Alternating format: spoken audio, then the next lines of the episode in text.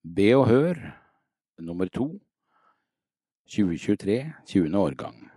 Menighetsblad for Gjøvik, Bråstad, Engehaugen, Hund og Vardal. Ansvarlig redaktør er Jens Dale. Lydutgaven produseres av KAB, Kristent arbeid blant blinde og svaksynte. Det er Jonas Kippersund som leser. Forsiden av bladet er viet pilegrimsleden, ryddet og merket siden 1994. Pilegrimsleden er middelalderens gave til oss. Redaktørens hjørne Unnskyld, alle skeive. Skeive har opplevd mye fordømmelse. Kjærlighet mellom likekjønnede har vært gjenstand for fortielse og blitt sett på som sykt og kriminelt helt fram til 1970-tallet. Nå viker en altfor bokstavtro tolkning av enkelte bibelvers for erkjennelsen av at kjærlighet også finnes blant skeive. I 2017 kom ny vigselsliturgi som også omfatter likekjønnede. I år gjennomgår alle kirkelige ansatte et kurs om LHBT pluss. Kirken ber om unnskyldning for urett begått mot skeive. Ønsket er at kirken skal være med og skape trygge rom for alle. Jens Dale Kristi fred Andakt av diakon Hilde Kristin Jarlvang med et bilde av bergstoppen som Jens Dale har fotografert. Kristi fred, fred etterlater jeg dere, min fred gir jeg dere, ikke den fred som verden gir. La ikke hjertet bli grepet av angst og motløshet. Johannes 14, 27. Kan jeg virkelig tro at dette gjelder meg? Fred i hjertet, ro i sjela, når det er så mye som bekymrer. Inntrykkene fra kriger, sult og tørke verden over er mange og sterke. Og enten du er i sorg over verden, eller har din egen sorg du bærer på, kan Gud gi deg av sin fred. Du kan oppleve krevende dager på jobb, slite med konflikter i familierelasjoner, kjenne på helseutfordringer, ha det vanskelig økonomisk, eller kanskje du har mistet en du er glad i. Mange av oss opplever til tider kaos i hverdagen og sliter med å få nok energi til å håndtere dagen. Og likevel, inn i ditt kaos kommer Jesus med sin fred. Det er ikke dermed gitt en rask løsning på utfordringene dine. Det er ikke alltid det dukker opp noen indre ro heller, men vit at Gud er hos deg. Hans tilstedeværelse gir deg fred. Jeg ber om at dagen din må bli god og Guds fred som overgår all forstand, skal bevare deres hjerter og tanker i Kristus Jesus. Filipperne 4, 7 Kristi himmelfartskapelle ved Eina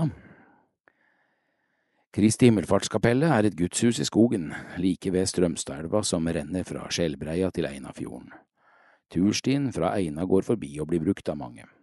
Utenfor kapellet er det benker for den som vil raste. Minikapellet står åpent året rundt for den som søker et sted for stillhet og bønn. Hovedkapellet ble vigslet i 2012 med representanter fra alle kirkesamfunn i Vestre Toten til stede. I sommerhalvåret feires det nattverdsgudstjeneste her hver torsdag klokken 18, forteller Bjørn Olav Hansen. Han er en av ildsjelene bak stedet. Kapellet er felleskirkelig og gjort mulig takket være gaver.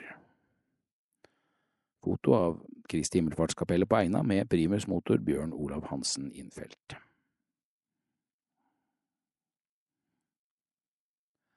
Blomstergudstjenesten er vårens vakreste opplevelse. I snart 30 år har kirken invitert barnehagen i Gjøvik til feiring av pinse som kirkens bursdag. Det er pinsen som regnes som kirkens bursdag, og i starten av juni hvert år inviteres barnehagen i Gjøvik til å være med å feire dette. Da er det blomstergudstjeneste ved Enghaugen og Hund kirker på Gjøvik gård og i Biri og Snertingdal. Barna plukker markblomster og dekorerer et spesiallaget kors, mens det spilles korps- eller trekkspillmusikk. På blomstergudstjenesten er det morsomme sanger, bibelfortelling og dramatisering, en bønn og velsignelsen. Stemningen er høy, for barnehagene blir dette gjerne en del av utflukt med en matpakke og lek. Når barnehagene deltar på blomstergudstjeneste, gjelder regelen om at foreldrene bestemmer om deres barn skal være med. 400–500 barn og voksne pleier å være med hvert år. Blomstergudstjenestene i år er klokken ti og 11 ved Engerhaugen kirke 30. mai, Hund kirke 1. juni og på Gjøvik gård 2. juni. Pinsens drama, julespill, Det har mange vært med på, og påsken den blir dramatisert både titt og ofte, blant annet sammen med konfirmantene. Men pinsespill, det har jeg aldri vært med på. Kanskje er det litt rart, for pinsen har jo absolutt dramatikk i seg. I pinsefortellingen Apostlenes gjerninger 2, 1–41, hører vi om kraftig vind og lyd som fyller hele huset, og det er tunger av ild som sprer seg utover de som er samlet, og brått begynner de å prate på språk de ikke kan. Det er jo ganske spektakulære hendelser. Jeg ser for meg at en dramatisering av pinsen må involvere vindmaskiner og pyro, fyrverkeri, og folk i drakter fra hele verden. Det må med andre ord være full fres. Og det skulle bare mangle, for pinsen er jo kirkas fødselsdag. Samtidig ville det kanskje vært litt skummelt med pyro i våre gamle trekirker. Pinsen handler om en flamme som blir tent, og om Den hellige ånd som blåser liv inn i Jesu etterfølgere. Pinsen, den skjer fremdeles, kanskje ikke like dramatisk som den første pinsen, kanskje mer slik som tidligere gjøvikenser Anne Ruth Jangård beskriver i salmen sin. Vel verdt å feire er den uansett. God pinse av sokneprest Roger Brevik. Og salmen av uh, Anne Ruth Jangård, den er fra Norsk Sandbok nummer 521. Som vinden stryker mine kinn, slik er Den hellige åndens vind, den strømmer rundt meg alltid nær, den hjelper meg å leve her. Lik luften som jeg puster inn, slik er Den hellige åndens vind, den fyller hvert et åndedrag og gir meg krefter dag for dag. Og åndens frukt skal være fred og glede, godhet, kjærlighet, et trofast og tålmodig sinn, det vil Den hellige åndens vind. Hør, ånden blåser dit den vil, i sterke kast og myk og mild. Kom, blås til meg og gi meg tro, la åndens frukter i meg gro. Superuka starter når skolen slutter. Vi gjentar fjorårets suksess, da kom over 80 barn på superuka, den første uka i skoleferien. Basen var Byscena, Gjøvik bedehus, Ynglingen og Gjøvik kirke. Slik blir det i år også. Barna, som, barna kan velge mellom en hel del ak ulike aktiviteter, som gaming, sang, teater, baking, snekring osv. En vanlig dag på Superuka starter med en fellessamling på Byscena, så fordeler de seg på forskjellige aktiviteter. De får servert lunsj, og så begynner andre økt med aktiviteter. Ved 16-tiden er dagen ferdig og barna blir hentet. To av dagene skiller seg ut. En av dagene reiser vi til Stenberg, og siste dagen blir en strand- og badedag i Fredvika. På hele uka blir det med en hel rekke ungdomsledere fra Loopy, lederutvikling på Ynglingen, voksne ansatte og mange frivillige. Superuka er for barn som går fra fjerde trinn til og med sjuende trinn. Se mer på kirkenmin.no. Superonsdag i Hund kirke er populært. Hund barnegospel har startet opp igjen. Det samme har Familie Sprell. Det som er nytt, er at begge aktiviteter er lagt i Hund kirke på onsdag. Og ikke nok med det, barnefamilier inviteres til middag klokka 16.15. I vår har det vært mellom 20 og 30 som har kommet og spist. Det er påmelding gjennom appen Spond. Familiesprell. Klokken 17 starter Familiesprell. Det er en aktiv halvtime med sanger, regler, dans og skattkiste med noe å tenke på fra Bibelen. Alle er med inne i kirkerommet og tenner lys i lysgloben. Familiesprell er for voksne og barn i førskolealder. Hund barnegospel den har øvelse mellom klokka 17.30 og 18.30. Dette er for barn fra seks år oppover. Her går det i fengende sanger, barna lærer tekster og synger. I pausen er det saft og frukt for barn og kaffe og for foreldregruppa. Familiesprell og Hund barnegospel ledes av Hilde Engvold og Christian Sporhild. Frivillige lager mat og serverer middag. Siste superonsdag før sommeren er 7. juni. Første gang etter sommerferien er onsdag 23. august, deretter er det hver uke unntatt i skolens ferier.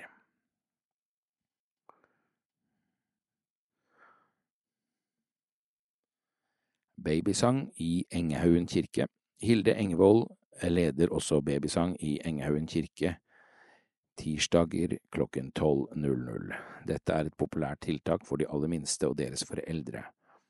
Det går i sang og rytmer, regler og rim, lunsj og sosialt samvær. CFB, Babysang, Gjøvik. Så er det et bilde fra en vakker vårkonsert. Vårkonserten i Bråstad kirke begynner å bli en god tradisjon. I år var det ekstra viktig å lokke fram våren med gode toner, og de fikk vi fra Kasta Musikkforening, Lene Neli, Nina Knutsen og Arnfinn Hasle. Use Your Talents et eventyr som startet på Madagaskar.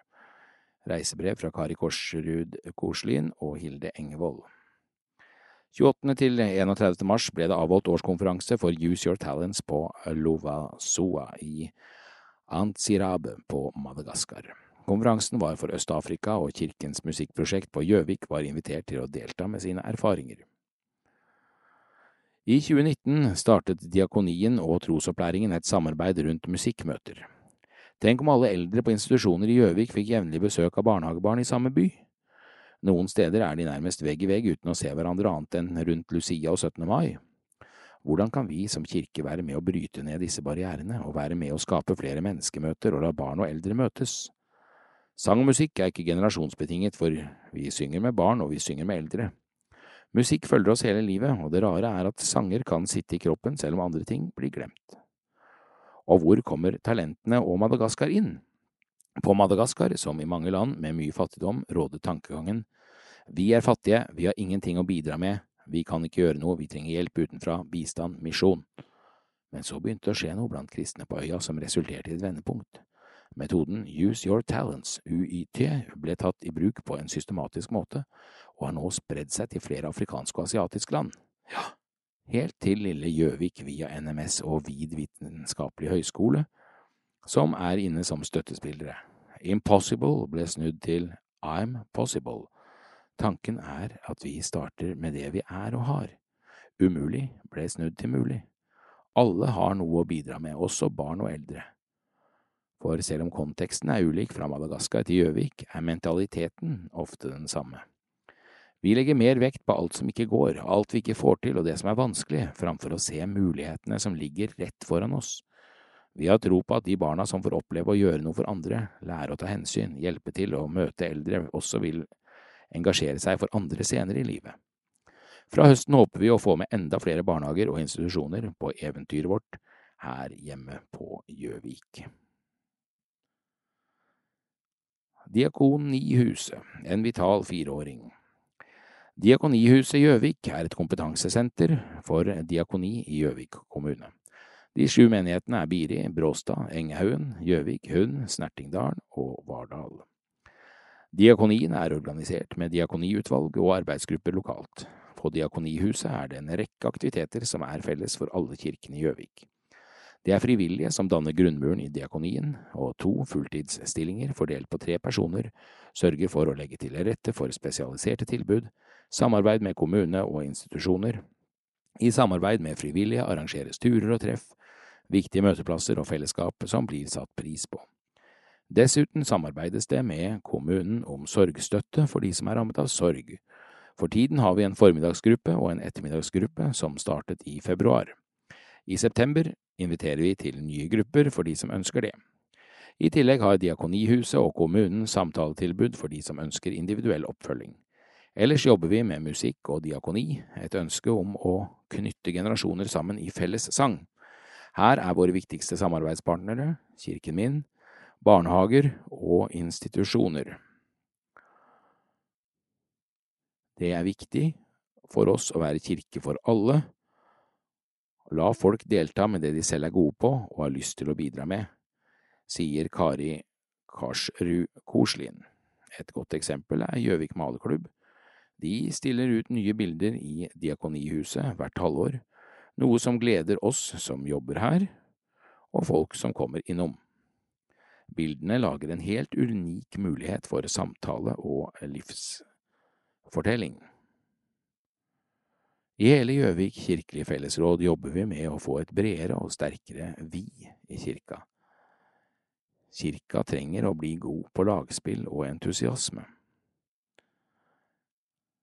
Det støtter vi. Det er fire år siden Diakonihuset ble etablert, og vi kan trygt si at det er en vital fireåring vi har med å gjøre.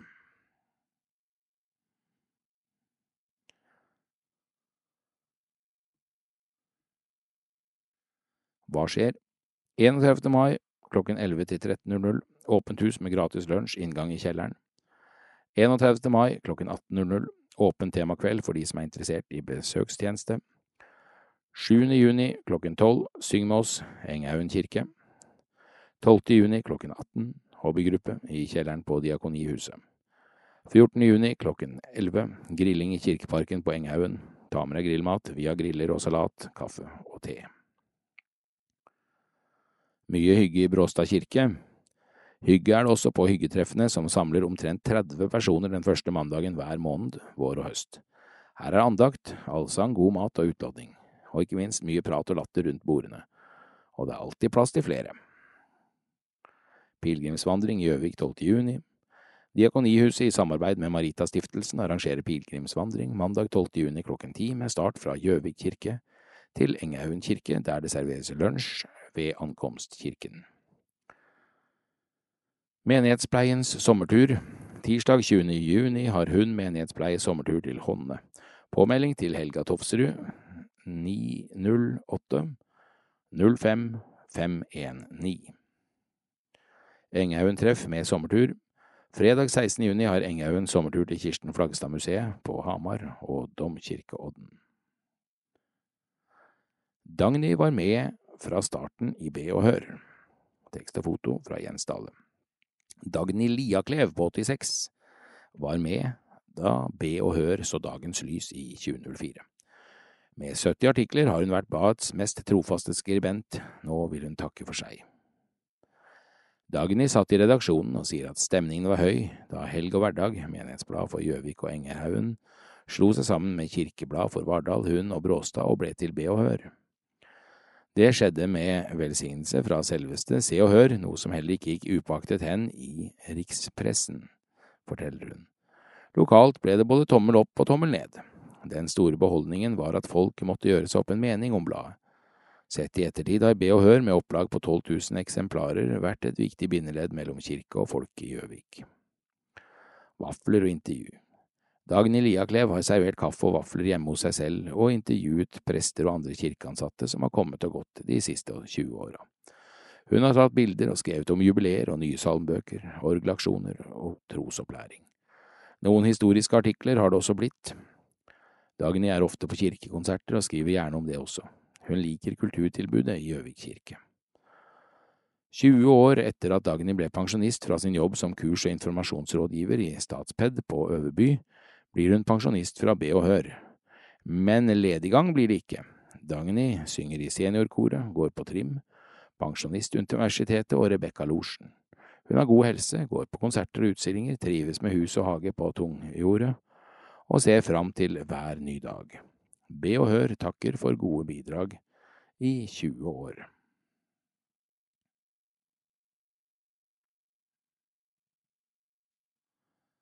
Frihet og fred. Prostens hjørne ved Stein Ovesen. I dag er 8. mai. For meg har det vært en dag jeg ikke har hatt et sterkt forhold til. Den har stått der litt bortgjemt mellom påske, 17. mai og pinse. En dag til minne om frihet og fred. En frihet flere lengter etter, og mange tar som en selvfølge. Nå har jeg nettopp lest om forholdene i skyttergraven i Frankrike under første verdenskrig. Jeg minnes sluttscenen i filmen om Den ukjente soldat, der skodden letter og solen igjen skinner over de finske skoger. Så hører jeg om store tapstall fra frontlinjen i Ukraina, unge gutter og menn som aldri vet om morgendagen kommer. Jeg har aldri fullt ut kunnet forstå følelsene når et såret og utplyndret Europa reiste seg til fred og håp om en bedre fremtid, men jeg aner et desperat håp og lengsel etter fred og frihet i Ukraina. Vi holder frykten og kjensgjerningene på avstand og innheter oss som om ondskapen ikke kan nå oss, som om vårt paradis aldri skal rammes av noe vondt og dø. Har jeg lov til å leve som om ingenting hender? Har jeg lov til å klage her i vår fornektende overfladiskhet? Noen vil nok anklage meg for å fare med svada og dommedagsprek, andre vil nikke gjenkjenne til det jeg prøver å si noe om. Like fullt, jeg står inne for det og erkjenner hvor vanskelig det er å ta inn over seg andres smerte. Og jeg skal innrømme, jeg har likeledes vansker med å ta inn over meg Jesus' smerte, da han led og døde for en hel menneskehet. Det er heller ikke lett å forstå hvordan Guds kjærlighet aldri rokkes i møte med min takknemlighet. I møte med all lidelse, både den nære og den jeg har litt fjernere, roper jeg til Gud om at han må tilgi og reise oss opp til forsvar for den undertrykte, trøst for den lidende, omsorg for de fortapte og ydmykhet for oss som ikke ser og hører.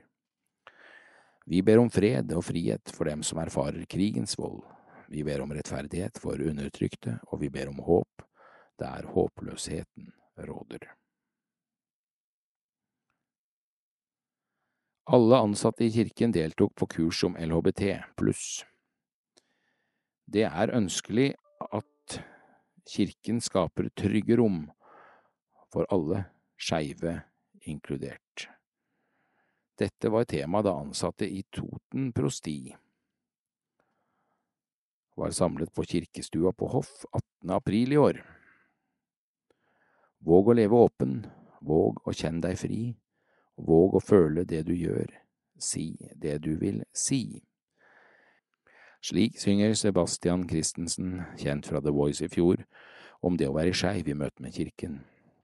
Noen av tilhørerne ser ned, andre tørker tårer. Vi er på kurs, Sebastian og to rådgivere fra Hamar bispedømmekontor har i vår møtt flest mulig av kirkas ansatte for å øke kunnskapen om LHBT, kjønn og seksualitet. LHBT er en forkortelse for lesbiske, homofile, bifile og transpersoner. Målet med kurset er å skape trygge rom og å være en god arbeidsplass for alle, også fra et LHBT pluss-perspektiv. Vi skal ikke endre folks standpunkt, men måten vi møter hverandre på, sier Sebastian. Han er rådgiver i Vake, kirkens ressurssenter mot seksuelle overgrep. Sebastian har 40 års erfaring fra kirka og opplevd på kroppen det som fortsatt er på agendaen.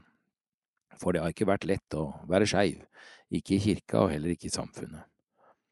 Vigsel av likekjønnede. I 1954 vedtok bispemøtet en uttalelse der seksualitet utenom normen ble sett på som vederstyggelig perversitet. Folk i kirka har måttet kjempe for sin plass, også kvinner, og det er fortsatt en vei å gå. Kirkerådets leder, Kristin Gunnleiksrud Råum sier det slik. Det er to teologiske syn i Den norske kirke på vigsel av likekjønnede par. Uansett kirkens syn, så må vi jobbe med vår kunnskap og vår praksis, slik at alle får et godt møte med kirken sin. Og det er nettopp dette kursene handler om. De har kommet i gang på bakgrunn av en bekymringsmelding fra ansatte og frivillige med LHBT pluss-bakgrunn. Et utvalg ble satt ned, og en undersøkelse ble gjort. Den viste et behov for kompetanseheving blant alle ansatte, frivillige og folk i menighetene. Nå kurses altså hele kirka for å kunne møte alle på en god måte. Kurset er obligatorisk for alle kirkelige ansatte.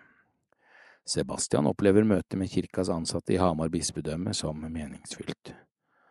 Responsen forteller meg at mitt bidrag er viktig, sier han når du må se noen i øya, så mildner det noe.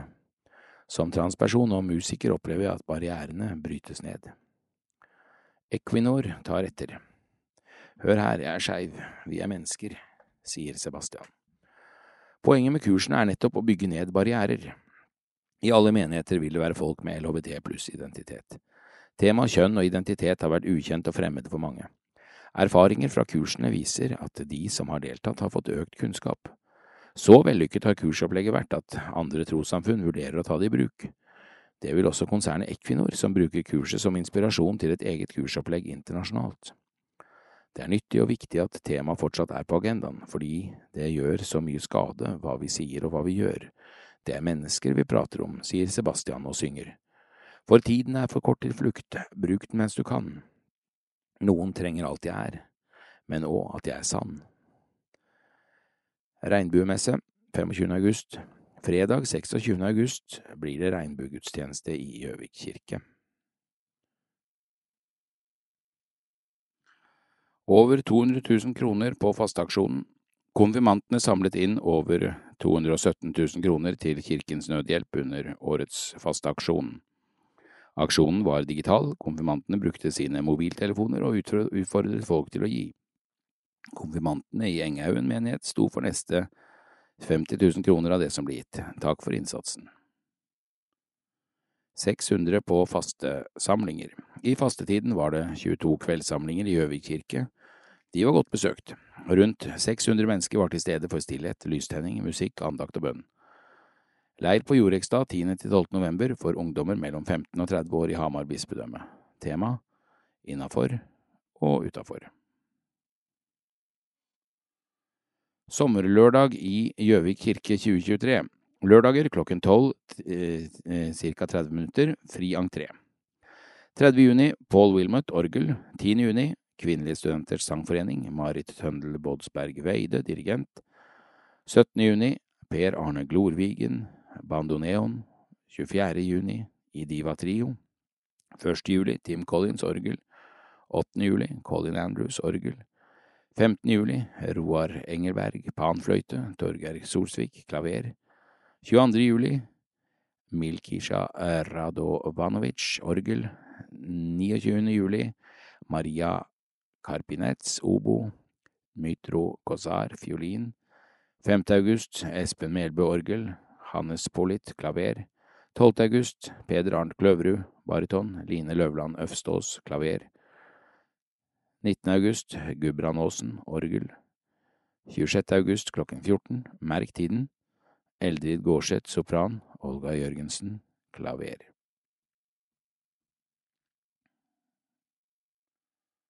Økende interesse for pilegrimsvandring. Tekst ved Jens Reidar Antonsen og Pilegrimshåndboka. Pilegrimsleden fra Oslo til Trondheim er 25 år i år. Leden går med to alternative ruter, enten på østsiden eller på vestsiden av Mjøsa. Gjennom Gjøvik kommune strekker den seg fra Østre Toten i sør til Lillehammer i nord. På Kristi himmelfartsdag har vi nå, to år på rad, gått pilegrimsvandring fra Gjøvik kirke til Bråstad kirke. Når jeg er ute og reiser i Norge, pleier jeg å legge merke til pilegrimsmerkene som er satt opp for å vise vei mot et pilegrimsmål. Av og til kan jeg også se pilegrimer på vandring. Pilegrimsfalken. Pilegrim er et vakkert ord. Har man interesse for fugler, er det artig å vite at leden i Gjøvik går i Hønsaukens hekkeområde nord for byen. Mer tradisjonelt trekker jeg fram den vakre pilegrimsfalken, peregrinus, og selvsagt på de menneskelige peregriner som i årtusener har vandret over slettene på planeten Jorden. Gjennom ville skoger, langs kyst og elv, i oppbrudd og på vei ut på vandring. Til hager og paradiser som de har båret i sine drømmer om et bedre liv. Til møter med det guddommelige, med hellige menn og kvinner, kanskje med Gud selv. Ordet pilegrim betyr fremmed, den som vandrer forbi, som ikke hører hjemme på stedet. I middelalderens kristne Europa gikk pilegrimsstrømmene til Santiago de Compostela, ved Vesterlandets grense mot det store ukjente hav til Den hellige Jakobs grav, og i våre hjemlige trakter til Nidaros. Underveis mot et mål. Å være pilegrim er å være underveis, mot et mål. Det er en ytre vandring, og det er en indre livsholdning og en livsprosess. Den ytre pilegrimsvandringen går ofte mot et kirkebygg, et hellig sted, men den indre vandringen går mot Guds bolig og Gud selv. En pilegrimsvandring har alltid et slikt dobbeltperspektiv. Derfor er det vesentlig at den ytre rammen blir slik at den hjelper den indre livsprosessen mot målet. Da vil vi erfare at selv de enkleste ytre handlinger i meditasjon og gudstjeneste kan gi næring og styrke til den indre vandringen. Kåfurum Tirsdag 29. august klokken 19.30 kommer Kristine Harberg til K-forum på Ynglingen for å snakke om kunsthistorie for alle. Alle kvinner er hjertelig velkommen. Gratis inngang, kaffespleis. Byfest 20. august. Det blir friluftsgudstjeneste på, gudstjeneste på Gjøvik gård 20. august. Stem ved kirkevalget den 10. og 11. september. I år velges det nye menighetsråd i alle menighetene i Gjøvik og i hele landet. Menighetsrådene gjør en stor innsats for den lokale kirka, og det er viktig at de blir vist tillit gjennom valget. Der det skal også velges nytt bispedømmeråd, som også utgjør kirkemøtet, som er kirkens øverste organ. Alle kirkens medlemmer som fyller 15 år i valgåret eller er eldre, kan stemme på kandidater i menighetsrådet i sitt sokn og bispedømmeråd i bispedømmet. Kirkevalget er de samme dagene som kommunevalget, og valglokalet for kirkevalget er å finne i nærheten av der man stemmer ved kommunevalget. Det ligger med andre ord godt til rette for å bruke sin demokratiske rett to ganger denne dagen. Det er også mulig å forhåndsstemme i perioden 10. august til 8. september, og det kan både gjøres digitalt og på kirkekontoret på vanlig måte. Godt valg. Gudstjenester til 10. september 2023. Www.kirken.no jovik. Søndag 4.6.2023, treenighetssøndag. Gjøvik gudstjeneste 11.00 ved Ragnar Enger. Engehaugen gudstjeneste 11.00 ved Jens Reidar Antonsen. Hund gudstjeneste 11.00 ved Jens Arne Dale. Vardal friluftsgudstjeneste ved Pins prestegården Roger Brevik. Søndag 11.06.2023, andre søndag i treenighetstiden. Gjøvik gudstjeneste 11.00 ved Ole Jakob Nyhus. Engehaugen alle sammen gudstjeneste 11.00 ved Jens Reidar Antonsen Baluba. Hund gudstjeneste 11.00 ved Jens Arne Dale. Bråstad friluftsgudstjeneste 11.00 frammøte ved kirka Roger Brevik. Søndag 25.06.2023, fjerde søndag i treenighetstiden. Gjøvik gudstjeneste 11.00 ved Ole Jakob Nyhus og Vardal gudstjeneste 11.00 ved Roger Brevik. Søndag 2.7.2023, femte søndag i treenighetstiden, Gjøvik gudstjeneste 11.00 ved Stein Ovesen. Engehaugen gudstjeneste 11.00 ved Hanne Mosgaard Skjesol. Og Bråstad gudstjeneste 11.00 ved Roger Brevik. Søndag 9.7.2023, sjette søndag i treenighetstiden. Gjøvik gudstjeneste 11.00 ved Ole Jakob Nyhus. Og Vardal gudstjeneste 11.00 ved Roger Brevik. Søndag 16.07.2023, syvende søndag i treenighetstiden. Gjøvik gudstjeneste 11.00 ved Ole Jakob Nyhus. Engehaugen gudstjeneste 18.00 ved Berit Rinde. Hund gudstjeneste 11.00 ved Jens Arne Dale. Søndag 23.07.2023, åttende søndag i treenighetstiden. Gjøvik gudstjeneste 11.00 ved Berit Rinde. Hund gudstjeneste 11.00 ved Jens Arne Dale. Søndag 9. Nei, 30. i 7. 2023, niende søndag i treenighetstiden. Gjøvik gudstjeneste 11.00 ved Stein Ovesen. Enghaugen gudstjeneste 11.00 ved Jens Reidar Antonsen.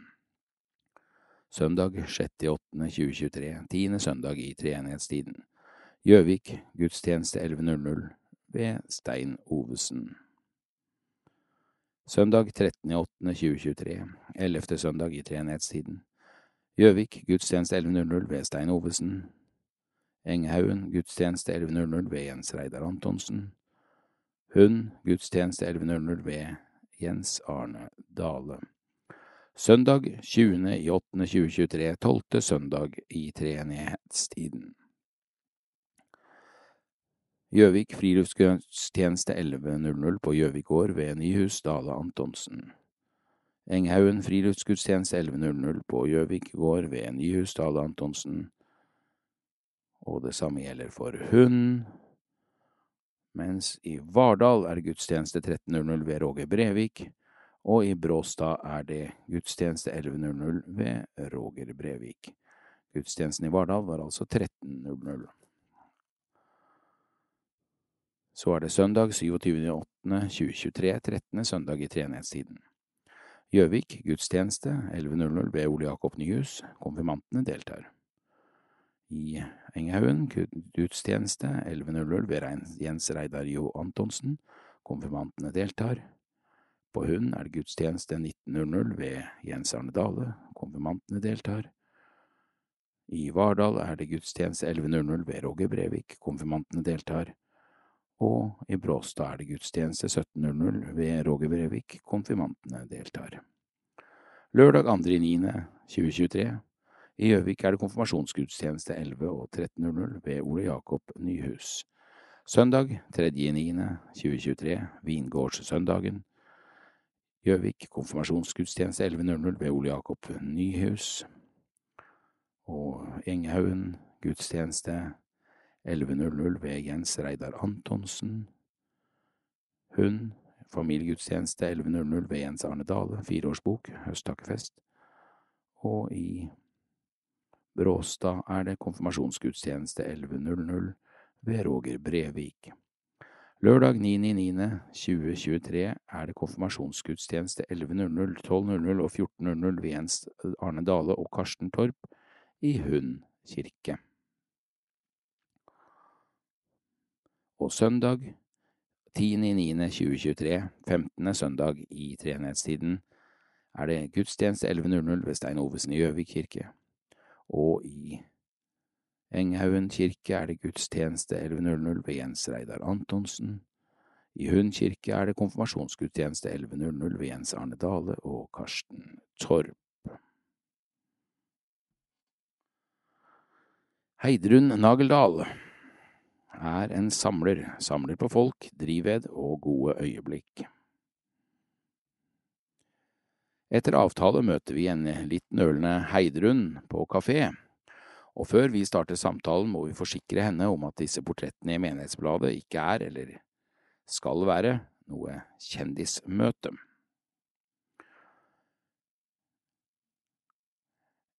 En eh, må verken ha funnet noe eller satt noen nye rekorder, eller ei heller være omtalt i media for å bli med her. Intensjonen vår er ganske enkel. Vi vil møte nye mennesker, se noen andre ansikter, høre noen andre stemmer, ta del i andres historier. Og vi veit at alle har sin unike historie, og at et møte med den historien gjør noe med oss. Så Heidrun, la oss drikke kaffe og prate sammen. Det var ingen typisk A4-familie jeg vokste opp i, ikke det som gjerne defineres som den norske kjernefamilien. Likevel kan jeg si at jeg hadde en barndom med mye omsorg og varme. Jeg kan ikke huske at jeg manglet noe, selv om forholdene var veldig kompliserte til tider. Jeg vokste nærmest opp som enebarn siden storesøstera mi, som er nesten ti år eldre, flyttet veldig tidlig og de to andre ikke bodde der jeg bodde. Så i ungdomstida etter skilsmissen, som ble ei litt kriseaktig tid, ble det mamma og meg, og vi hadde det veldig bra.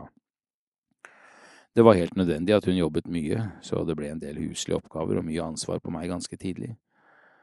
Lærte tidlig å forsøke å gjøre det trivelig og koselig for oss, sørge for god stemning, og at det var reint og pent og ordentlig.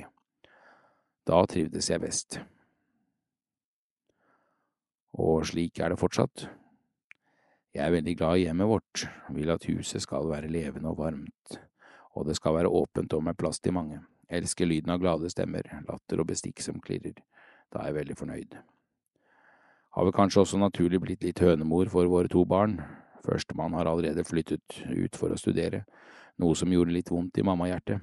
Jeg har allerede begynt å grue meg litt til at jenta vår skal følge etter om noen år, og dette samtidig som jeg selvsagt veit alt om at det er naturlig, at det er godt for alle at de unge skal leve sine egne liv, bli selvstendige, frigjøre seg osv.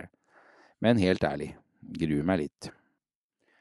Barne- og ungdomstid Under alle en ungdomstid som jeg selv fikk. Veldig glad for det miljøet jeg kom inn i med både minitensing og tensing på Lena og på Gjøvik og alt det andre som hørte til. Ledertrening, vennskap, turer, musikk, misjon, mosjon, mat og moro.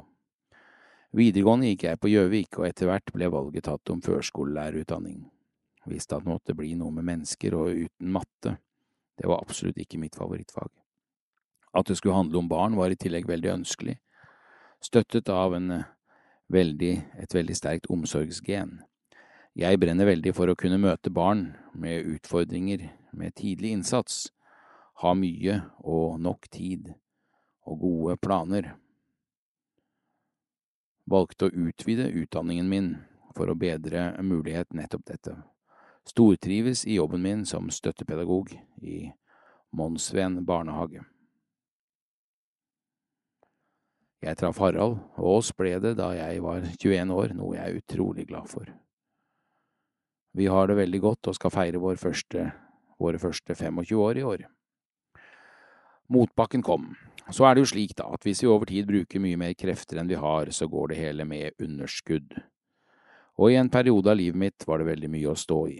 Det var litt kaotisk og trøblete på alle kanter, og da stoppet det opp. Jeg skjønte tegninga og fikk tatt tak og sørget for god og faglig hjelp, og sakte, men sikkert kom jeg tilbake til nesten normalt gjenge. Noe jeg måtte lære, var å bruke tida litt annerledes, leve litt saktere og bli mer oppmerksom på øyeblikkene. Jeg ble en turgåer, en vandrer, en som stoppet underveis, lyttet og kikket, prøvde å snuse inn det berømte nuet. Mange turer gikk langs Mjøstranda, og snart ble jeg samler også. Jeg fant da, og jeg finner fremdeles, stadig nye, flotte steiner. Ikke minst driver jeg langs stranda som blir med meg hjem. Noe kan jo brukes som dekorasjonsmateriell, noe kan bli en fin lysstake eller noe annet fint, og noe blir bare borte. Askeladden er et oppnavn jeg har fått, sier Heidrun og ler hjertelig og godt.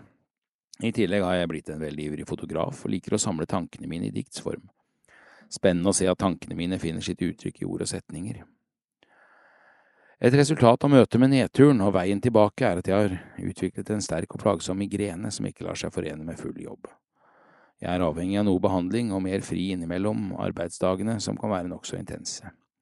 Og slik det nå fungerer, er det 60–40 jobb, trygd. Og det er en veldig god ordning for meg, så får vi se hvordan det utvikler seg etter hvert. Åndelige antenner oppe. Jeg opplever innimellom mye som er både spennende og uforklarlig, og som gjør meg undrende. Som for eksempel en gang jeg fikk en bekreftende e-post om at jeg hadde fått plass på et kurs i Oslo, og som jeg trodde arbeidsgiver hadde meldt meg på, men det hadde de overhodet ikke gjort, og ikke hadde jeg meldt meg på, jeg kontaktet arrangøren, men de kunne ikke finne ut noe. Jeg ble enig med arbeidsgiver om at jeg dro på kurset, og det var nærmest skreddersydd for meg og den situasjonen jeg befant meg i da. Om bearbeiding av traumer, analyser og bevisstgjøring. Gave fra hvem? Og det er flere slike. En plutselig innskytelse om å gå på søndagsgudstjeneste i Gjøvik kirke førte meg til et menneske i kirkebenken som jeg nok skulle treffe. Årevis siden sist, og vi trengte hverandres møte den dagen. Elsker lyden av salmesang, sterke minner om alle nyttårsgudstjenestene i Hoff kirke, fin tid som tekstleser både i Hund og Gjøvik. Etter å ha lagt ei litt tung tid bak oss, var vi så takknemlige at Harald og jeg fikk en ny velsignelse av ekteskapet vårt i kirken etter 15 år, med samme gode prest, Lasse Gran. Ikke noe arrangement, bare oss og Lasse, en fin form for restart. Gir ny kraft til å møte mennesker og samle på gode øyeblikk, og ikke minst beholde håpet, en viktig drivkraft for meg.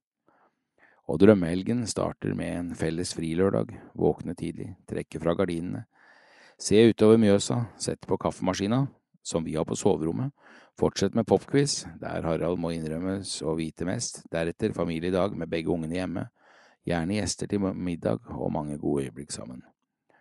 Søndag kan nok gjerne oftere bli en kirkesøndag. Takk for praten, Heidrun, nå skjønner du hvorfor vi ville prate med deg. Det gjør nok veldig mange andre også. Håp.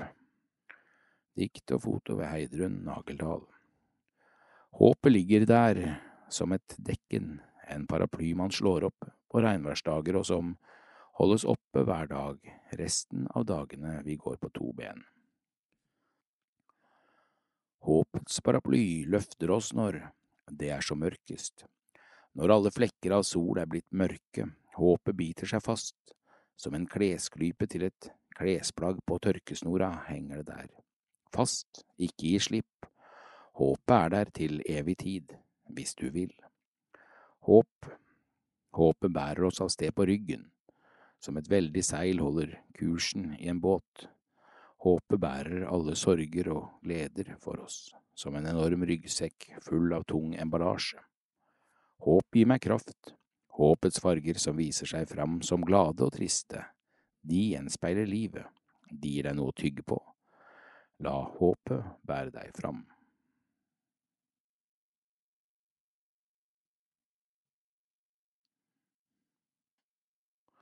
Matteus' kallelse av Caravaggio Dette er artikkel ved Kristine T.G. Hardeberg. Hun er forfatter av boken Kunsthistorie for alle, som ble utgitt i november 2022. Hun har tidligere gitt ut romanen De uskyldige. Hun holder foredrag om kurs og, og kurs om kunsthistorie. Dette maleriet heter Matteus' kallelse og er malt av Caravaggio i år 1600. Du kan se det i kirken San Luigi dei Franchesi i Roma. Når du kommer inn i kirken, kan du holde til venstre, og helt innerst finner du et kapell på venstre side. Der ser du ikke bare dette, men hele tre bilder malt av Caravaggio, og alle tre handler om skatteinnkreveren, disippelen og evangelisten Matteus. Vi ser han når han skriver Matteusevangeliet, og når han blir drept, og aller først ser vi dette bildet. Hva er det som skjer her? Jo, Caravaggio viser oss det øyeblikket når evangelisten Matteus blir kalt til å følge Jesus, bokstavelig talt. Helt til høyre ser vi Jesus som peker på Matteus, som sitter ved et bord, omgitt av skatteinnkrevere og tollere. De ble ansett som korrupte og syndige, og mange var nok svært overrasket over at Jesus ville ha med seg en av dem. Matteus selv har ennå ikke oppdaget Jesus. Den unge mannen er fullstendig opptatt med å telle penger. Her kommer vi rett inn i handlingen, og Caravaggio modellerer scenen med lys og skygge på en dramatisk måte. Jesus ser vi ikke fullstendig, bare litt av ansiktet hans og hånden som peker mot Matteus. På en mesterlig måte lar Caravaggio det sterke lyset komme fra over Jesus som et hint om Gud selv. Når vi snakker om kall, tenker vi gjerne på prester, men dette maleriet kan inspirere oss alle til å tenke over hva det betyr å motta et kall i våre egne liv.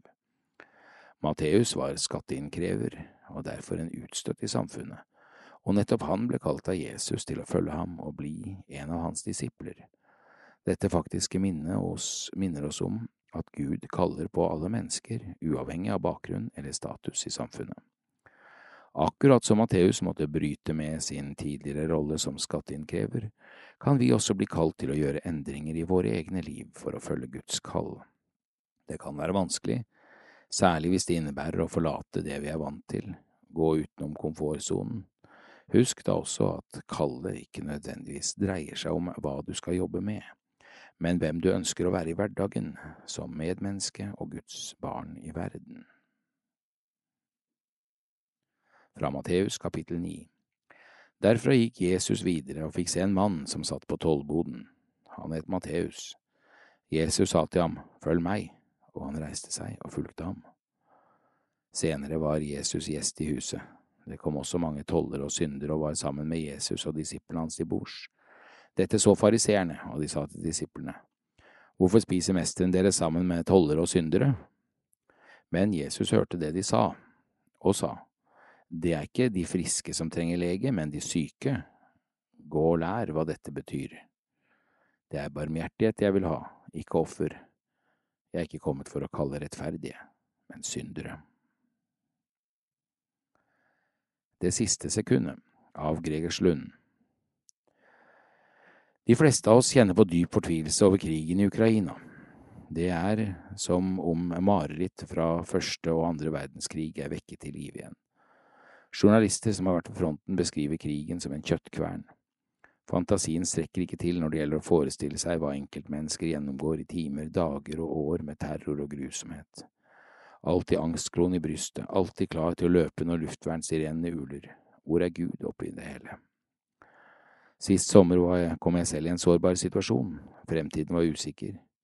Isen var plutselig blitt tynn under føttene til familien min og meg selv. På toppen av det hele verket Ukraina-krigen i meg som et åpent sår. Hvor er Gud i det usikre, hvor er Gud når det usikre viser seg å være begynnelsen på katastrofen? Familien min og jeg unnslapp katastrofen denne gangen, men midt i min angst for fremtiden og midt i min fortvilelse over Ukraina-krigen dalte et dikt ned i hodet på meg. Jeg har skrevet mange dikt opp gjennom årene, men ingen ble til på en måte som denne. Det var som om ordene ble hvisket i øret mitt. Mens tårene rant, så jeg pennen skrive ned disse linjene. Først da diktet var ferdig, husket jeg på Jesusordene som om spurvene. Selges ikke to spurver for en skilling, og ikke én av dem faller til jorden uten at Gud er der. Matteus 10, 29. Det fins en som venter på steder fylt av gru. Det finnes en som eier vårt siste sekund. Jeg er Kristus, jeg venter på stedet der missilet har siktet seg inn. I det skjærende, dødelige skredet er jeg Gud for de skrekkslåtte sinn. For jeg eier det siste sekundet til alt som kan kalles for sjel. Den navnløse kriger ble funnet der bombene slo ham i hjel. Felleskirkelig samling til stor inspirasjon. Kristne fra de fleste kirkesamfunn og forsamlinger kom sammen i Gjøvik kirke onsdag 26. april. Etter å ha ligget brakk i mange år, har det felleskirkelige arbeidet i Gjøvik kommet i gang igjen med fire samlinger så langt. Med ønske om gjensidig respekt, forståelse og inspirasjon inviterte ledere fra ulike menigheter til storsamling i Gjøvik kirke 26. april. Sokneprest Jakken Nyhus ønsket velkommen med å si Jeg tror nesten samtlige menigheter i Gjøvik er her, Frelsesarmeen, baptistene, pinsevennene, katolikkene, Sentrumskirken, Misjonshuset, Familiekirken, Livets senter, Den ortodokse eritreiske kirke og Den norske kirke. Glemt noen? Fantastisk historisk, la oss klappe for oss sjøl og takke Gud. Marit Helene Olsen fra Frelsesarmeen hadde en morsom påskevri på sin andakt. Hvordan ville du ha reagert om Jakken døde? Hva ville ha skjedd om han sto opp igjen? Torbjørn Andersen fra Baptistkirka sang og fortalte gripende om Chris Christoffersons omvendelse og sangen Why Me Lord. Sang gjorde også katolske pater Pjotr, Hege Palmesen fra Sentrumskirken og ikke minst barn og unge fra den ortodokse eritreiske menigheten. Pinsevenn Nils Brunsgaard levendegjorde liknelsen om den bortkomne sønnen. Jens Reidar Antonsen fra Enghaugen introduserte bønnevandring i kirkerommet. Det var gode samtaler og hyggelige møter med mennesker. Da forsamlingen sang Deg være ære med Paul Wilmot på orgel og Christian Sporild på flygel, var det nesten så taket løftet seg. Det var mye folk, og mange uttrykte glede over det å komme sammen og feire evangeliet. Fin fest for frivillig hund. I Hund menighet er over 100 frivillige medarbeidere. De frivillige deler ut menighetsblader, er kirkeverter og tekstlesere og ledere i alle ulike aktiviteter. Torsdag 11. mai var det fest i kirka. 50 var samlet til middag og marsipankake, foredrag og sang. Stemningen var god og inspirasjonsfaktoren høy. Gjøvik og Enghaugen menigheter arrangerer tilsvarende fester for sine frivillige medarbeidere.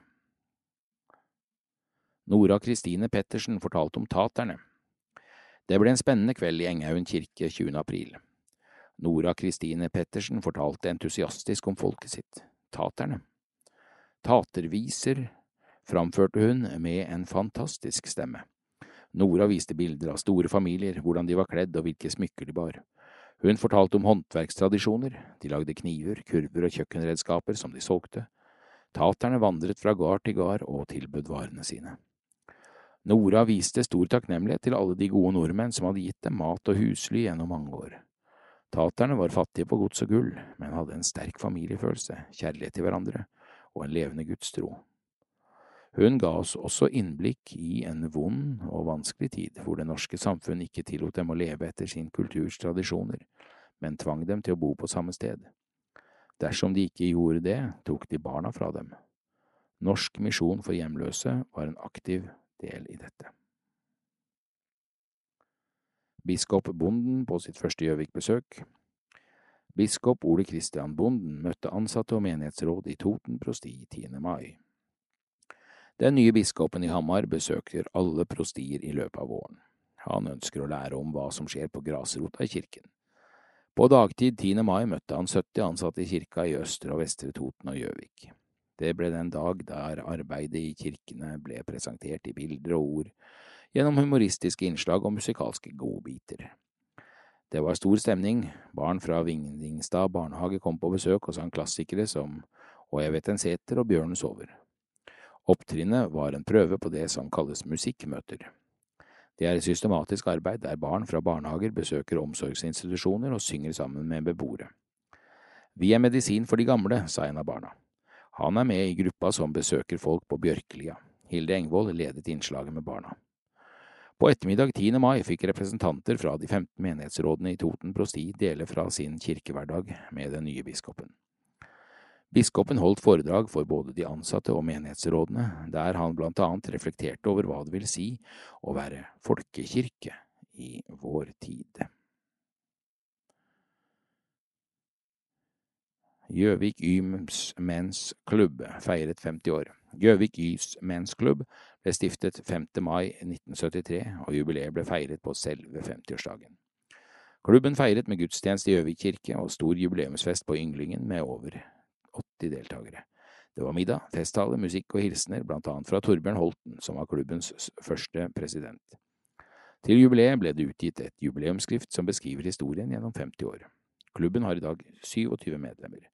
Dette er et åpent kristent fellesskap der sosialt fellesskap, samfunnsengasjement og støtte til arbeidet blant ungdom er viktig. På festen ble en sjekk på 15 000 kroner gitt fra Ys Mens til trosopplæringen i Gjøvik. Gjøvik Ys Mens Klubb rydder pilegrimsleden gjennom Gjøvik. I jubileumsåret består styret av Arne Myrlid, president, Jan Erik Aasheim, Kari nei, Kai Lille Homb, Arne Byfuglin og Gudmund Grimsbø. Superdag for konfirmantene, 7. mai. Det koker med konfirmanter i og rundt Gjøvik kirke. Noen av konfirmantene er inne i kirka på en gudstjeneste. Der er det bønnevandring, og konfirmantene får høre lignelsen om den bortkomne sønn. Fra kirka høres sanger som skal være gjengangere i konfirmanttiden. Utenfor kirka går flere grupper med konfirmanter med nesa i mobilene. De virrer tilsynelatende planløst omkring, men de løser en digital rebus. De skal finne poster og løse oppgaver i appen. Ulike bokstaver i bibeltekster gir løsningen på rebusen. I parken utenfor kirka er det full aktivitet. Konfirmantene er sammen i grupper, ungdomslederne har forberedt bli kjent-leker, ungdommene ler, løper, smiler og koser seg. Ungdomslederne Tobias, Lasse og Syver er kokker og serverer pølser for over 200 konfirmanter. Etter 45 minutter bytter de store gruppene, så alle får med seg rebusløp, par parkbesøk og gudstjeneste. Konfirmantdagen er en viktig forberedelse til sommerens store begivenhet, konfirmantleir på Tomb jordbruksskole i Råde i august. Gruppetilhørigheten er viktig på leir for undervisning, måltider og annen aktivitet. Det er over 40 ungdomsledere fra Lupi som skal på leir, mange voksne ledere og mer enn 200 konfirmanter. Party på Ynglingen En fredag i måneden er det party for fjerde til sjuendeklassinger på Ynglingen. Det er ungdomsklubb ledet av Lupyr med variert aktivitetstilbud. På samlingen 12. mai var det nærmere 100 til stede, og det var fotballkamp mot russen. Tanker fra kirkebenken Gjøvik kirke, selve katedralen i byen, ble en onsdag kveld i april til en flott blanding av arbeidskirke, forsamlingshus, bedehus og kafé.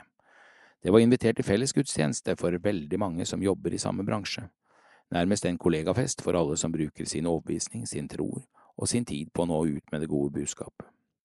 Her var de alle sammen, Frelsesarmeen, baptister, pinsevenner, katolikker og mange såkalte frimenigheter. Veldig mange kom, og mange deltok. Noen med godt forberedte innlegg fra prekestolen, noen med solosang og eget orkester, mens vi andre stemte i og ble til et uvanlig sterkt og godt kirkekor, anført av forsangere og akkompagnert av organist Paul. Det var en god og sterk opplevelse. Og apropos arbeidskirke.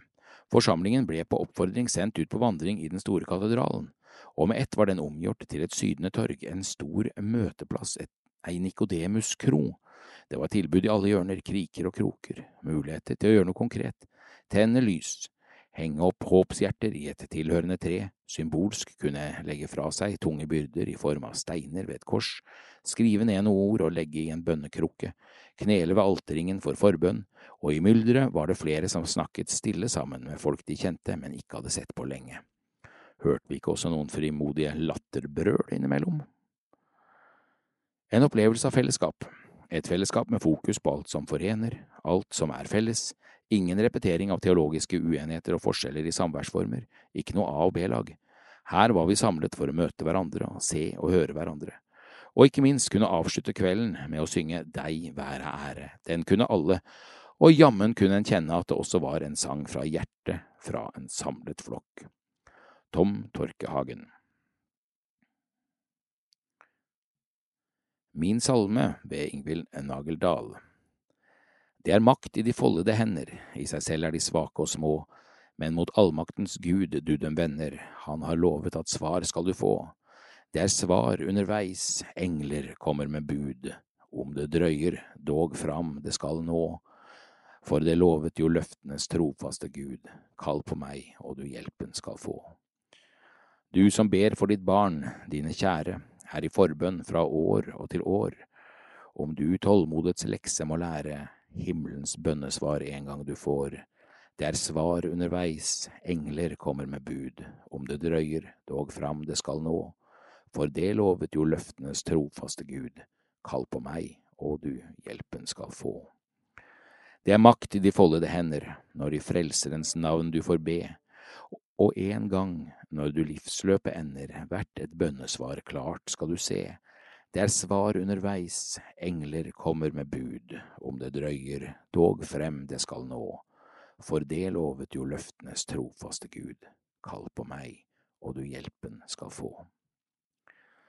Når jeg ble oppfordret til å fortelle om min favorittsalme, ble jeg glad, men samtidig kjente jeg på følelsen av å måtte velge, og det ble litt vanskelig for meg.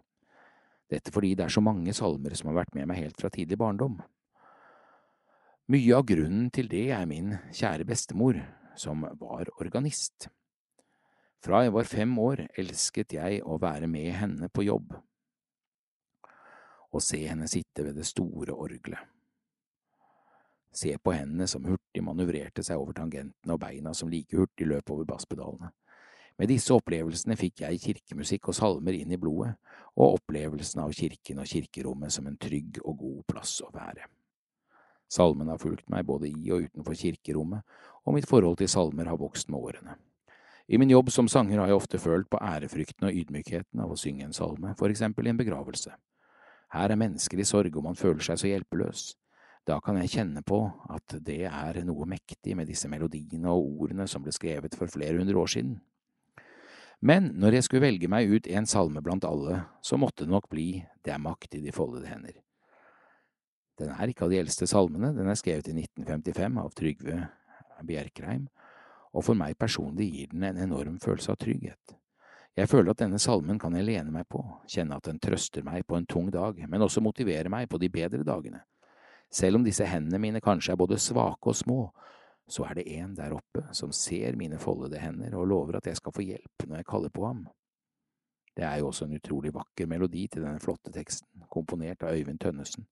En nydelig melodioppbygging til refrenget hvor man føler at man nesten roper ut den første setningen, det er svar underveis. Jeg sang denne salmen da begge mine døtre ble døpt, og håpet er at de også kan føle en trygghet og en tilhørighet til denne salmen slik jeg gjør. La den få plass i deres liv til trøst og glede.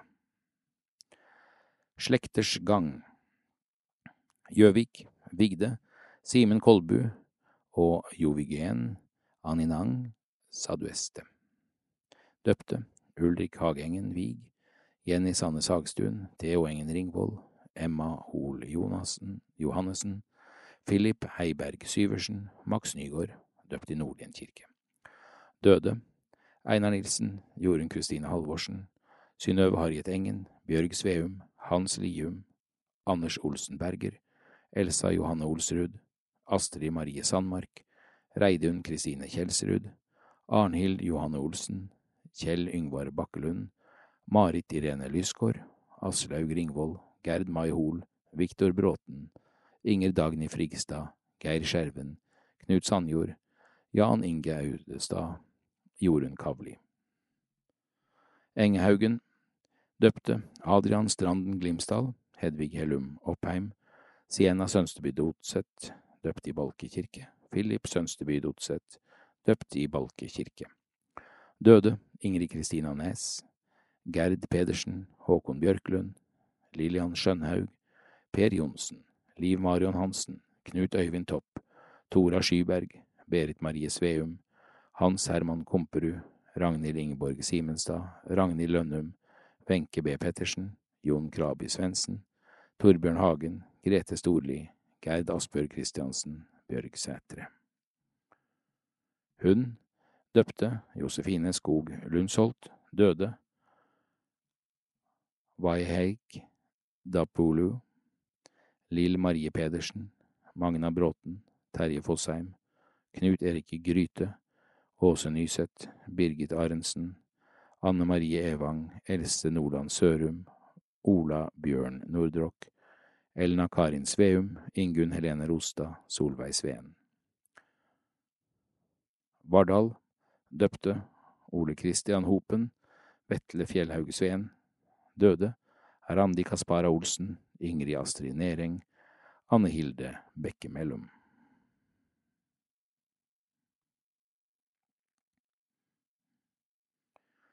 Barnas be og hør. Her er det en regnbuevei og forskjellige artige tegninger. Pinsen er en kristen høytid, og bakgrunnen for den kan man lese om i Apostlenes gjerninger kapittel to. Det har gått 50 dager siden påske, da Jesus på langfredag ble korsfestet og gravlagt, og på påskedagen sto opp igjen fra de døde.